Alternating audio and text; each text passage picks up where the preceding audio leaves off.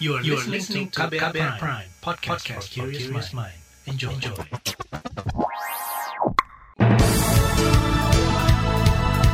Selamat pagi saudara, senang sekali kami bisa menjumpai Anda kembali melalui program Buletin Pagi, edisi Jumat 12 Februari 2021. Bersama saya Malika. Sejumlah informasi pilihan telah kami siapkan di antaranya. Jumlah kasus COVID-19 diperkirakan naik pasca libur Imlek. Kepolisian didesak segera menindak promotor perkawinan anak. Polda Papua kejar kelompok kriminal bersenjata. Inilah Buletin Pagi selengkapnya. Terbaru di Buletin Pagi. Saudara libur tahun baru Cina atau Imlek akhir pekan ini dikhawatirkan meningkatkan mobilitas masyarakat. Padahal saat ini pemerintah menerapkan pemberlakuan pembatasan kegiatan masyarakat atau PPKM skala mikro di sebagian Jawa dan Bali. Tujuan kebijakan ini antara lain mengurangi mobilitas masyarakat dan menekan penularan virus corona. Karena itu Kementerian Kesehatan mengimbau warga tetap tinggal di rumah. Direktur Pencegahan dan Pengendalian Penyakit Menular Langsung Siti Nadia Tarmizi mengatakan program vaksinasi COVID-19 yang sedang berlangsung jangan dijadikan alasan untuk bepergian. Kita tahu setiap kali setelah liburan kita akan melihat tren lonjakan kasus hingga 40 persen dan tentunya melihat tren peningkatan angka kematian COVID-19 dibandingkan sebelum masa liburan. Dari lonjakan kasus tersebut, data menunjukkan lonjakan tertinggi dipicu oleh klaster keluarga. Masyarakat harap tentunya bisa memanfaatkan libur nasional Imlek tahun ini dengan bijak dan mematuhi himbauan-himbauan pemerintah. Itu tadi Direktur Pencegahan dan Pengendalian Penyakit Menular Langsung Siti Nadia Tarmizi. Peringatan senada disampaikan juru bicara Satgas Penanganan COVID-19 Wiku Adisasmito. Ia mengatakan pemerintah telah melarang ASN maupun PNS bepergian selama masa libur Imlek yang dimulai pada hari ini. Selain itu pemerintah juga sudah melakukan pembatasan perjalanan moda darat baik transportasi umum maupun pribadi. Sesuai dengan surat edaran pimpinan Kementerian Lembaga, TNI, Polri, BUMN, BUMD, dan Pemda diminta untuk melarang ASN atau pegawai, prajurit TNI, anggota Polri melakukan perjalanan. Selain itu, untuk pimpinan perusahaan swasta agar menghimbau pekerjanya untuk tidak melakukan perjalanan. Juru bicara Satgas Penanganan COVID-19 Wiku Adisasmito menambahkan, khusus untuk para calon penumpang kereta api, satu hari sebelum keberangkatan diwajibkan melengkapi dokumen hasil negatif tes PCR, antigen, atau genos. Sedangkan untuk perjalanan moda darat dengan kendaraan pribadi, diharuskan mengikuti manajemen lalu lintas yang diterapkan pusat dan daerah. Direktorat Lalu Lintas Polda Metro Jaya memprediksi lonjakan arus lalu lintas libur panjang Tahun Baru Cina atau Imlek sudah terjadi sejak kemarin. Dirlantas Polda Metro Jaya Sambodo Purnomo Yogo mengaku sudah menyiapkan pos keamanan di sejumlah titik untuk mengantisipasi. Dirlantas juga akan memperlakukan sistem buka tutup di jalan tol sepanjang Jakarta Cikampek jika terjadi kemacetan hmm. atau kecelakaan. Sedangkan di kilometer 29 akan dilakukan rekayasa lalu lintas jika terjadi kepadatan arus kendaraan. Saudara di Jawa Tengah, Gubernur Ganjar Pranowo sudah jauh-jauh hari mengimbau jajarannya mematuhi surat edaran pembatasan kegiatan bepergian ke luar daerah, terutama bagi ASN atau PNS selama libur Imlek. Kita bisa bersama-sama memberikan contoh, mengedukasi publik, dan kita bisa mengurangi potensi-potensi uh, penyebaran COVID dengan harapan uh, ini akan bisa memberikan kepada yang lain untuk bisa mengikuti. Kalau saya bicara kira-kira satu ASN di keluarganya empat orang, maka sudah ada ratusan ribu yang tidak keluar rumah. Belum lagi kalau dia membantu temannya, tetangganya, saudaranya untuk tidak ikut, maka kita harapkan kita akan bisa memotong proses penularan COVID itu jauh lebih cepat. Gubernur Jawa Tengah Ganjar Pranowo mengingatkan ASN yang hendak bepergian keluar daerah saat libur Imlek diharuskan meminta izin ke sekretaris daerah maupun kepala dinasnya. Bagi ASN yang melanggar aturan, Ganjar sudah menyiapkan sanksi bersifat internal. Epidemiolog dari Universitas Griffith Australia, Diki Budiman, meminta masyarakat menahan diri dan tidak bepergian selama libur Imlek. Diki mengingatkan potensi lonjakan kasus COVID-19 sangat besar bila masyarakat mengisi libur Imlek dengan bepergian. Kata dia hal itu terjadi selama beberapa kali momen libur panjang di mana kasus positif virus corona meningkat. Padahal kapasitas rumah sakit kini semakin penuh dan angka kematian terus bertambah. Dan studi epidemiologi juga menunjukkan itu, membuktikan itu. Jadi rata-rata peningkatannya selalu di setidaknya 20 persen ya dari kasus dan paling tidak bisa sampai 40 persen termasuk angka kematian ya dari libur panjang ini termasuk saat ini ya kita harus berbesar hati dan mengambil peran ya tanggung jawab sosial tanggung jawab individu untuk kebaikan bersama untuk membatasi pergerakan ini. Itu tadi epidemiolog dari Universitas Griffith Australia Diki Budiman. Saudara kemarin angka penularan COVID-19 melandai empat hari berturut-turut, yakni lebih dari 8.000 kasus baru. Total ada lebih dari 1,1 juta kasus secara akumulasi. Kemarin angka pasien sembuh mencapai lebih dari 10.000 orang. Dengan jumlah ini ada lebih dari 990 ribu orang telah sembuh. Namun penambahan juga terjadi pada angka kematian yakni 214 orang. Dengan jumlah ini ada lebih dari 32 ribu orang meninggal akibat pandemi corona. Gerakan masyarakat sipil minta kepolisian menindak promotor perkawinan anak. Informasinya akan hadir usai jeda. Tetaplah di Buletin Pagi KBR. You're listening to KBR Pride, podcast for curious mind. Enjoy!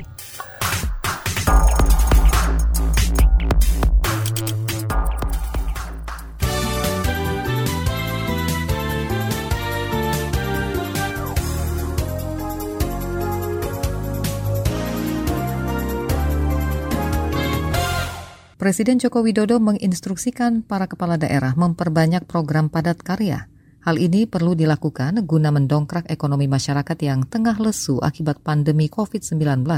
Instruksi ini disampaikan Jokowi dalam acara pembukaan Munas 4 Asosiasi Pemerintah Kota Seluruh Indonesia APEXI di Istana Negara kemarin. Perbanyak program padat karya, ini urusan dengan ekonomi. Program padat karya agar bisa memperkuat daya beli masyarakat, meningkatkan konsumsi masyarakat, dan satu-satunya penggerak perekonomian masyarakat sekarang ini adalah belanja pemerintah, belanja APBN, dan belanja APBD. Dan masyarakat di bawah harus diberikan penghasilan yang seluas-luasnya, diberikan pekerjaan yang seluas-luasnya. Jokowi menyatakan banyak cara yang bisa dilakukan pemerintah daerah untuk mendorong program padat karya, tujuannya untuk meningkatkan daya beli, sehingga permintaan akan mengerek ekonomi tanah air. Jokowi mengklaim pemerintah pusat juga telah melaksanakan program padat karya di seluruh kementerian. Wakil Presiden Ma'ruf Amin menyebut salah satu hambatan perkembangan peradaban saat ini adalah cara berpikir sempit dan tidak terbuka terhadap perubahan. Karena itu ia berpesan agar umat Islam tak ikut arus berpikir sempit seperti yang muncul belakangan ini. Misalnya tidak percaya virus corona atau percaya pada teori konspirasi tanpa memahaminya dengan akal sehat dan memanfaatkan ilmu pengetahuan. Cara berpikir sempit itu juga merupakan salah satu penyebab munculnya sifat egoistik, tidak menghargai perbedaan pendapat, serta tidak mau berdialog. Cara berpikir sempit juga bisa melahirkan pola pikir yang menyimpang dari arus utama atau bahkan menjadi radikal yang dapat menjustifikasi kekerasan, dalam menyelesaikan masalah. Wapres Ma'ruf Amin menilai cara berpikir sempit itu bisa menghambat dan kontraproduktif terhadap upaya membangun kembali peradaban Islam. Berpikir moderat, dinamis, dan tidak ekstrim menjadi cara membangun kembali peradaban Islam. Kita ke soal lain. Komisi Perlindungan Anak Indonesia KPAI mengecam promosi pernikahan anak di sejumlah media yang diduga dilakukan pengelola Aisyah Weddings. Melalui selebaran dan spanduk, Aisyah Weddings mempromosikan pernikahan anak dan nikah siri. Komisioner KPAI Retno Listiarti menegaskan hal itu akan membuat hak anak terenggut. Pertama ketika anak menikah muda, maka sebenarnya anak itu kehilangan semua hak-hak terbaiknya ya. Hak pendidikan, hak mendapatkan kesehatan yang prima, hak-hak tumbuh kembang dan lain-lain gitu. Jadi anak-anak yang menikah ini punya kecenderungan kehilangan berbagai hak. Yang kedua, kalau dia miskin, miskinnya menjadi keturunan gitu. Karena dia ketika menikah muda, dia nggak bisa bekerja, nggak bisa sekolah. Padahal barangkali ketika dia bekerja dan bersekolah, berkarir, secara ekonomi dia akan lebih baik. Begitupun anak anak keturunannya. Itu tadi Komisioner KPAI Retno Listiarti. Kemarin sejumlah aktivis perempuan yang menamakan diri Gerakan Masyarakat Sipil untuk Penghapusan Perkawinan Anak merilis enam tuntutan antara lain mendesak kepolisian menegakkan hukum terhadap pengelola situs aisyahweddings.com dan situs-situs serupa yang diduga jaringan perdagangan dan eksploitasi anak. Para aktivis juga mendesak Kominfo memblokir seluruh konten daring yang mempromosikan perkawinan anak. Kita beralih ke informasi ekonomi Otoritas Jasa Keuangan OJK optimistis pertumbuhan kredit bank akan membaik tahun ini. Kepala Eksekutif Pengawas Perbankan OJK Heru Kristiana memperkirakan hal itu bakal terjadi jika program vaksinasi COVID-19 berjalan lancar. Tapi saya tetap optimis bahwa uh, vaksin akan uh, terus berjalan dengan baik dan datanya memang seperti itu. Dan demand juga sudah berbagai pihak mengusahakan untuk bisa tumbuh. Uh, tentunya Bank Indonesia kemudian keuangan berusaha keras untuk ke arah ke sana. Dan saya yakin benar bahwa ini akan mencapai 7 sampai 8 persen pertumbuhan uh, kredit kita di tahun di tahun 2021. Kepala Eksekutif Pengawas Perbankan OJK Heru Kristiana memprediksi pertumbuhan akan turun menjadi 5 persen jika vaksinasi berjalan lambat dan permintaan pembiayaan masih lesu. Ke depan OJK bakal mengeluarkan berbagai kebijakan untuk memastikan perbankan tetap bijak menghadapi pandemi, namun tak lupa melakukan fungsinya. Kementerian Kesehatan sedang merancang peraturan menteri terkait vaksinasi COVID-19 mandiri atau vaksinasi gotong royong dari Kementerian BUMN. Menteri Kesehatan Budi Gunadi Sadikin mengatakan aturan itu juga akan mengatur batas harga vaksin mandiri. Kemenkes berkoordinasi dengan KPK soal pendampingan hukum terkait belai tersebut.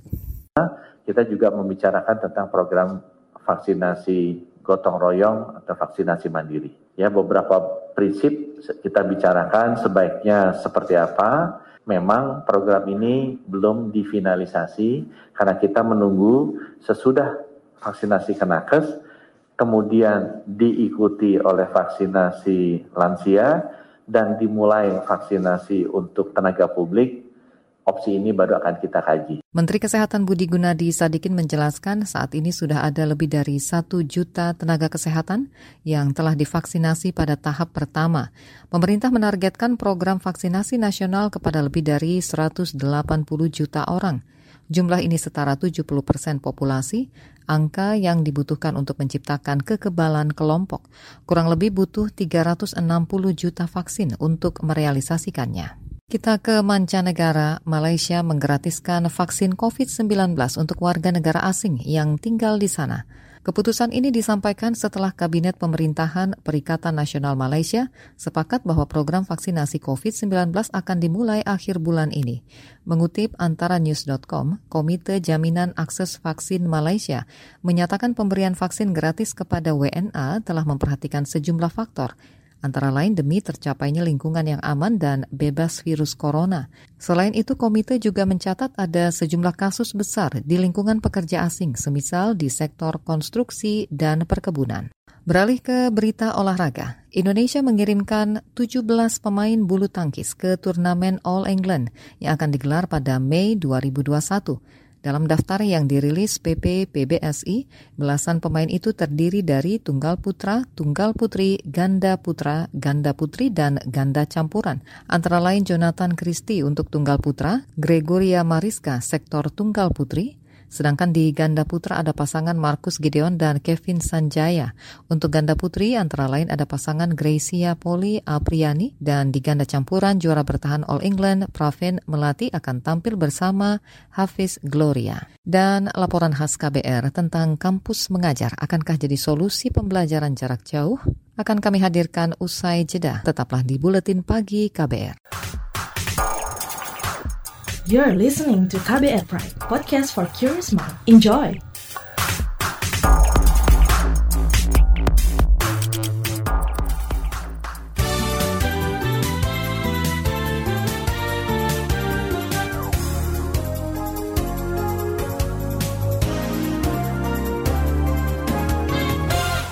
Anda masih bersama kami di Buletin Pagi KBR. Kementerian Pendidikan dan Kebudayaan meluncurkan program kampus mengajar. Salah satu tujuannya antara lain mengatasi kesulitan belajar bagi siswa sekolah dasar, terutama di daerah terluar, terdepan, dan terpencil atau 3T. Program ini menawarkan insentif agar mahasiswa mau mengajar di daerah 3T. Lantas apakah program ini bisa jadi solusi pembelajaran jarak jauh saat masa pandemi COVID-19? Berikut laporan khas KBR bersama Dwi Renjani. Pembelajaran di tengah pandemi virus corona terkendala, terutama bagi siswa yang ada di daerah pelosok. Akses belajar mengajar saat ini fokus dilakukan secara daring atau online. Mencari solusi atas masalah itu, Mendikbud Nadim Anwar Makarim lantas meluncurkan program kampus mengajar. Saya mengajak teman-teman mahasiswa dari seluruh Indonesia untuk beraksi, berkolaborasi, dan berkreasi selama 12 minggu untuk meningkatkan kualitas pembelajaran di sekolah dasar, terutama yang di daerah 3T, sekaligus mengasah kepemimpinan, kematangan emosional, dan kepekaan sosial. Kemendikbud dan Lembaga Pengelola Dana Pendidikan LPDP bahkan akan memberikan bantuan uang kuliah hingga 2,4 juta rupiah dan biaya hidup 700 ribu rupiah per bulan bagi mahasiswa yang mengikuti program kampus mengajar. Direktur Jenderal Pendidikan Tinggi Kemendikbud Nizam menyebut, selain bantuan uang kuliah, masa pengajaran juga akan dikonfigurasi dengan jumlah SKS selama satu semester. Selama mahasiswa mengikuti program ini, itu disetarakan dengan SKS. Jadi eh, kegiatan ini nanti kira-kira adik-adik akan mengajar kira-kira 6 jam per hari dan kalau itu kita ekivalensikan dengan beban kuliah itu akan setara dengan 12 SKS serta uang kuliahnya dibayar dari LPDP, tidak bantuan uang kuliah bagi adik-adik yang mengikuti program ini. Namun, program belum tersosialisasi dengan baik. Banyak tenaga pengajar, terutama di daerah, belum mengetahui ada program kampus mengajar dari Kementerian Pendidikan. Salah satunya, Dina. Pengajar dari SD Muhammadiyah Pangkal Pinang, Bangka Belitung itu bahkan baru mengetahui program ini saat hendak diwawancara. Baru dengar sih baru hari ini, jadi langsung aku searching Google. Cuma kalau di sini kan tadi dibaca itu untuk mahasiswa ya. Nah, mahasiswanya emang ada sekarang di sekolah aku. Cuma mahasiswanya emang semester 3. Tapi mereka bukan program itu. Selain Dina, salah seorang wali kelas di SD swasta di Kota Bandung, Jawa Barat, Fitria, juga belum mengetahui program kampus mengajar itu. Padahal Bandung merupakan kota besar di Indonesia mungkin belum ada sosialisasinya atau saya yang belum lihat infonya gitu ya. Tapi saya dengar selewat di daerah saya sendiri belum ada. Saya nggak tahu mekanismenya akan seperti apa ya.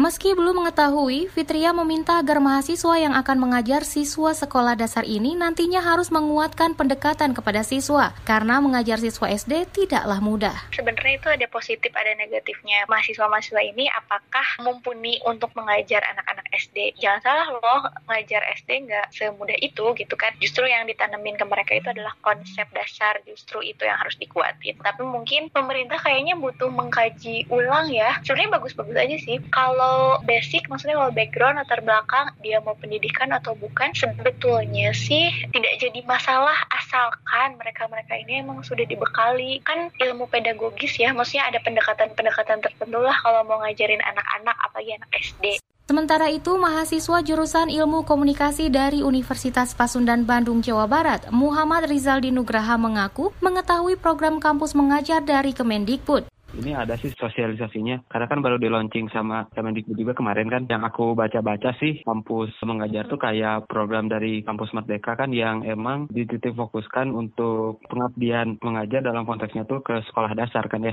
Kalau ngelihat syarat-syaratnya sih, pengen nyoba sih kayak nge-challenge kemampuan diri sendiri sih. Pengen tahu aja sih gimana sih skema mengajar dalam konteksnya tuh sekolah gitu. Sementara, Jaring Pemantau Pendidikan Indonesia JPPI menilai program kampus mengajar ini menghampurkan anggaran pemerintah dan menciplak dari program yang sudah ada. Koordinator Nasional JPPI Ubaid Matraji mengatakan, masih banyak hal di bidang pendidikan dan pembelajaran jarak jauh yang lebih krusial untuk dibenahi dengan anggaran yang ada yang paling penting adalah harus fokus pada menurunnya kualitas pendidikan. Nah, salah satu faktor penting kenapa kualitas pendidikan kita menurun itu kan eh, karena situasi eh, PJJ, sementara lingkungan sekolah itu tidak mendukung, gurunya tidak mendukung, kompetensinya pas-pasan, kemudian orang tua juga bagian dari lingkungan sekolah, mereka juga belum dikondisikan untuk mendampingi anak-anak di rumah, kemudian sarana dan prasarana belajar juga belum terpenuhi. Jadi menurut saya harus menyiapkan lingkungan sekolah sekolah atau lingkungan pembelajaran yang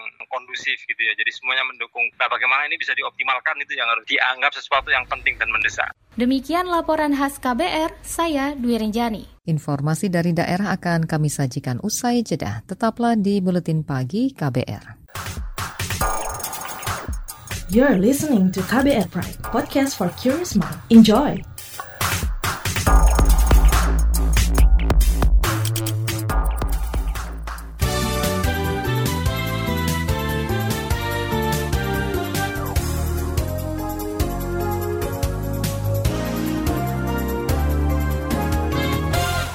Inilah bagian akhir buletin pagi KBR. Dua warga sipil di Kabupaten Intan Jaya dan Kabupaten Puncak, Papua diduga jadi korban kekerasan kelompok bersenjata.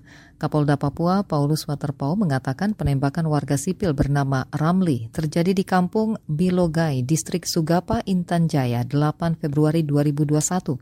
Saat ini Ramli dirawat di rumah sakit Mimika. Sehari setelahnya Rusman diduga tewas akibat sabetan senjata tajam di, di kampung Ilambet Puncak. Rusman berprofesi tukang ojek. Mudah-mudahan bisa ditangkap segera. Ya, kalau perintah saya jelas dua pilihan. Tangkap kalau dia bisa ditangkap, kalau tidak tindak tegas terukur. Begitu. Sesuai dengan SOP kita. Karena dia sudah melakukan kekerasan-kekerasan yang mengakibatkan ini apa namanya eh, keresahan bagi warga masyarakat di sekitar. Kapolda Papua Paulus Waterpau mengatakan pelaku penembakan di Intan Jaya diduga kelompok dari Indius Kogoya, adik Tandi Kogoya.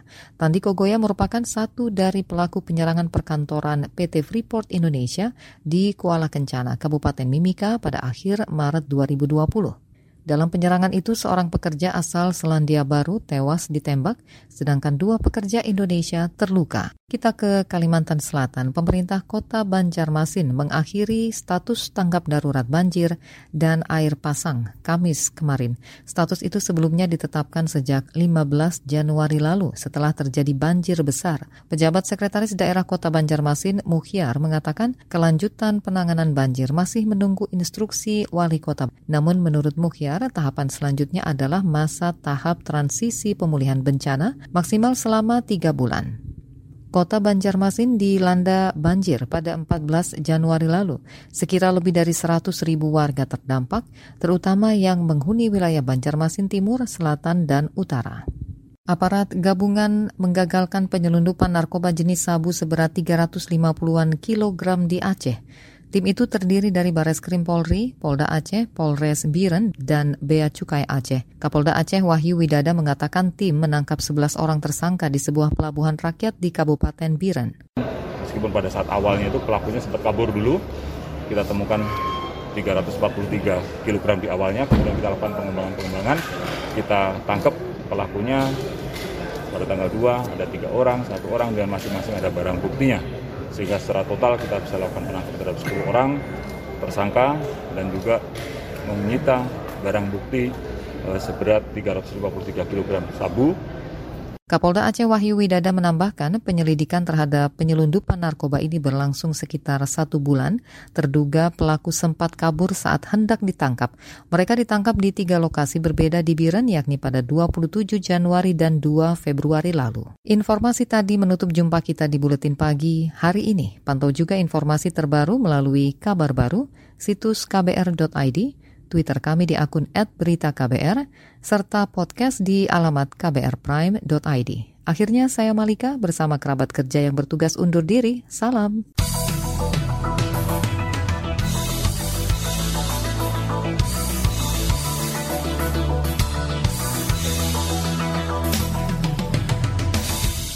KBR Prime, cara asik mendengar berita. KBR Prime, podcast for curious mind.